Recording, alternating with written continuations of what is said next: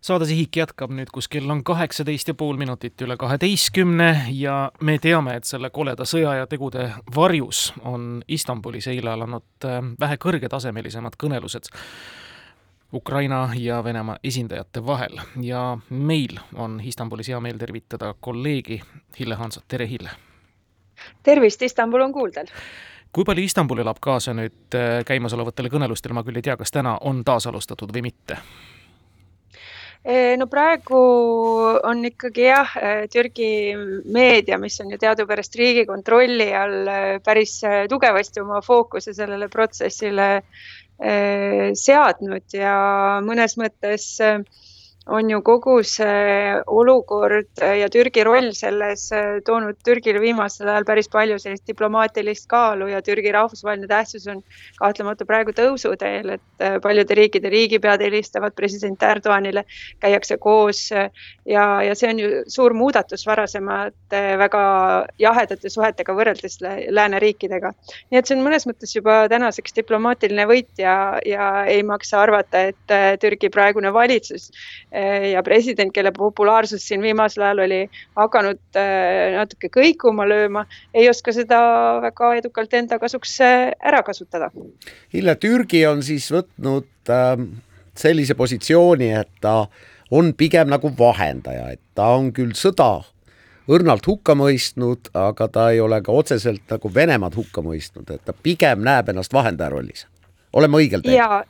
Ja kusjuures äh, seda sõnade mängu oli päris huvitav jälgida, sellepärast et äh, president Erdoğan teab väga hästi, et, äh, et Vladimir Putinile ei meeldi sõna vahendaja, et kui Venemaa on selline oma otsustes kõigutamatu ja mingit vahendamist ta nagu ei aktsepteeriks. seega tegelikult see sõna, mida president Erdoğan kasutas, oli rohkem nagu abistaja, et mitte siis pahandada mõlemat poolt, et mul endal tekkis sihuke hea paralleel, et praegu Türgi eh, üritab niimoodi tantsida, et ei astu ei Ukrainale ega Venemaale kummalegi varba peale. Need on hästi kummalised suhted ja ilmselgelt oma riiklikust poliitikast ja isiklikust heaolust lähtuvad, mida praegu Erdogan eh, viljeleb. no meenutame, et Venemaa, Türgi on ajaloos üksteise vastu sõdinud kaksteist korda ja on siin lähiajaloos olnud ka selliseid väga konfliktseid situatsioone, kus oleks võinud ka kolmeteistkümnes Vene-Türgi sõda puhkeda. ja samal ajal on need suhted ikkagi pragmaatilised, justkui Erdoğan saab Putiniga hästi läbi, lubab äh, Vene sõjalaevu ja, ja lubab otse lennukitel lennata Istanbuli ja nõndaviisi edasi. teisipidi meenutame, et Ukraina sõja suurimaid kangelasi on Bayraktar, ka Türgi päritolu droon, et, et mis mängu see Türgi siis mängib täpselt? No nagu öeldud, siis on jah, praegu äh, Türgi diplomaatia ilmselgelt olnud edukas, vähemalt praeguseni, et äh, kumbagi osapoolega ei ründaja ja siis kaitsjaga ei ole ju äh, suhted teravnenud, vaid vastupidi, et kumbki osapool pigem nagu annab Türgile võimaluse seda protsessi jätkata. Ja noh, loomulikult Venemaa seisukohast on arusaadav, sest nende rünnak Ukraina vastu ei ole olnud edukas. Ja ma pean ütlema, et kui sõja alguses selle rünnaku alguses äh, kajastati hästi palju äh, just Vene kaitseministeeriumi ja, ja presidendi kantselei sõnumeid siin Türgi meedias, siis tänaseks see retoorika on veidi muutunud, et palju rohkem on äh, lääne luureandmeid, mis siis räägib ka sellest, et Venemaa ei olegi nii edukas, kui oleks võinud oodata. ja mis on teine aspekt, on see, et siin väga pikka aega on äh, Türgis äh, kuidagi nagu räägitud või Euroopa Liidust ja läänest tervikuna kui sellisest natuke mannetust äh, regioonist ja et Euroopa Liit on selline aeglane ja, ja, ja ei, ei võta piisavalt, ei ole piisavalt tugev nii-öelda. et see retoorika on ka hakanud muutuma, et türklased panevad väga selgelt tähele, kui ühtseks korraga läänes on muutunud ja, ja ilmselgelt praegu üritab võtta siis äh, nii-öelda lääne või, või noh, naalduda lääne poole, mitte, mitte Venemaaga. Täiesti äh, sellist nagu liitlassuhet äh, kajastada, aga ja Bayraktarid kahtlemata Bayraktarid on on väga suureks abiks olnud Ukrainale ja Türgis ollakse selle üle uhked ja siin hiljuti just äh, tuli Bayraktar välja uute droonidega, et need on ka nüüd rahvusvahelise tähelepanu keskmes, et Türgi saab ka oma sõjatööstust äh, tänu sellele äh, sõjale siis arendada ja ütleme maailma areenile tuua, et huvi nende Türgi droonide vastu on kasvav. enne pandeemiat ja noh, rääkimata enne sõda olid Türgi kuurortlinnad väga-väga paljude tuhandete, et mitte öelda kümnete tuhandete Vene turistide lemmikpaik. Nad sõitsid sinna peaaegu igal aastal. nüüd on see ja. kõik läbi. tähendab jah, Türgi äh,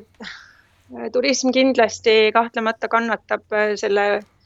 Äh, selle, selle sõja pärast ja, ja noh, täna muidugi on, on nagu tekkinud selline teistpidi sissevool, et Venemaa sellised teiseti mõtlejad ja vabakutselised ajakirjanikud ja, ja opositsioonilised inimesed on kümnete tuhandetega Türki tulnud, et äh, just vaatasin siin äh, välismaalaste foorumites inimesed kurdavad, et näiteks elamisloa uuendamise protsess on aeglustunud ja, ja et elamislube antakse lühemaks ajaks välja kui tavapäraselt ja, ja põhjendus selleks on ilmselgelt see, et nii Ukrainast kui Venemaalt on väga suur hulk inimesi siia tulnud, et räägitakse tõesti eh, kümnetest tuhandetest. nii et eh, jah, et võib-olla turism kui selline saab kannatada, aga teisipidi eh, tuleb väga palju juurde inimesi ja ka just lõunapiirkondades on Venemaa ja Ukraina inimeste poolt ostetud korterite hulk kiiresti kasvamas, et nad ilmselt siis investeerivad oma raha siia ega vist sõjapõgenikke nii kaugele kui Türgisse pole nii palju ulatunud, kui neid on tulnud Euroopasse? vabandust, ma hetkeks katkes, ei kuulnud küsimust. jaa, kuidas on Türgis sõjapõgenikega lood, ega neid vist seal nüüd nii palju ei ole, kui neid on tulnud Euroopasse? ja ei, muidugi loomulikult Euroopasse on äh, palju rohkem, aga Türgi siit omalt poolt järjepidevalt saadab äh, humanitaarabi äh, Ukraina poole teele, nii et nad on võtnud selle Äh, selle jah, ma arvan, et äh, me võime kümnete tuhandetega, kusagilt käis läbi seitsekümmend tuhat president Erdogani kõnest äh, Ukraina inimesi täna Türki tulnud põgenikena või siis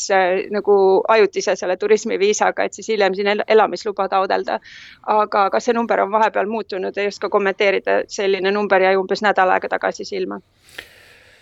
Hille Hanso, mis mulje mm, teile endale on jäänud nendest Vene-Ukraina kõnelustest äh, Türgis, et kas seal mingisugune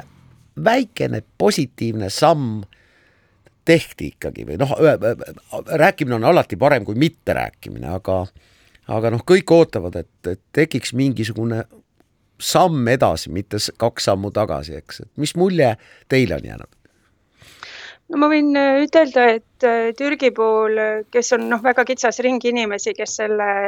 kes nende läbirääkimistega tegelevad, on siis president isiklikult, Türgi välisminister Mevlüt Çavuşoğlu ja presidendi nõudlik, nõunik Ibrahim Kalın. et nemad on küll nagu selle välja mänginud kui juba praegu nagu sellise protsessi ja mõnes mõttes või noh, eduka protsessi. aga lo loomulikult lõpptulemusteni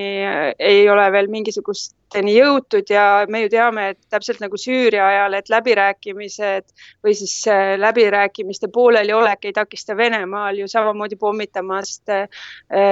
tsiviil